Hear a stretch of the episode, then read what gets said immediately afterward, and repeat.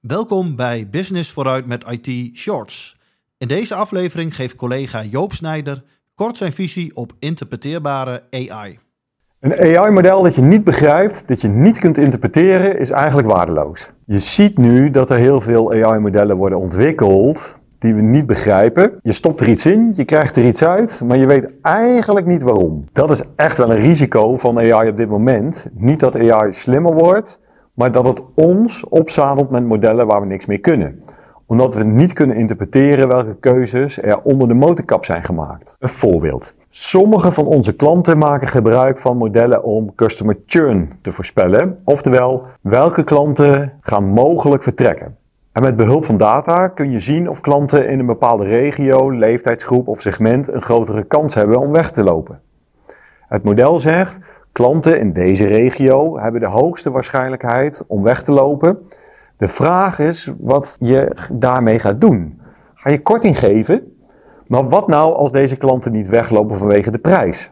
Zoiets heet een black box, een model waar je niet in kunt kijken. Waarom zie je die nu ineens overal? Omdat het eigenlijk heel gemakkelijk is om deze te maken. Als je een model wil ontwikkelen en je start meteen met deep learning, dan hoef je maar weinig voor te bereiden en heb je toch snel resultaat de weg van de minste weerstand. Maar je hebt dus een model dat eigenlijk waardeloos is. Ik heb een voorbeeld uit de medische praktijk. Stel, je gaat naar de huisarts voor een bloedonderzoek en de huisarts vertelt jou dat je een verhoogde kans hebt op diabetes van wel 87%. Dan vraag je natuurlijk, wat kan ik doen om die kans kleiner te maken? Nou, in een blackbox machine learning model krijg je geen antwoord op die vraag, alleen de uitkomstenpercentage. En dus krijg je een algemeen advies van de huisarts van nou ja, ga maar gezonder eten, meer bewegen. Het tegenovergestelde van een blackbox model is een glassbox model. Zo'n model kan je vertellen dat de verhoogde kans op diabetes te maken heeft met je hormoonhuishouding. Kijk, dat zijn elementen, daar kun je iets mee. Er wordt veel gesproken over de uitlegbaarheid van AI, maar dat is nog niet goed genoeg volgens mij. We moeten een stapje verder gaan en werken aan interpreteerbare AI.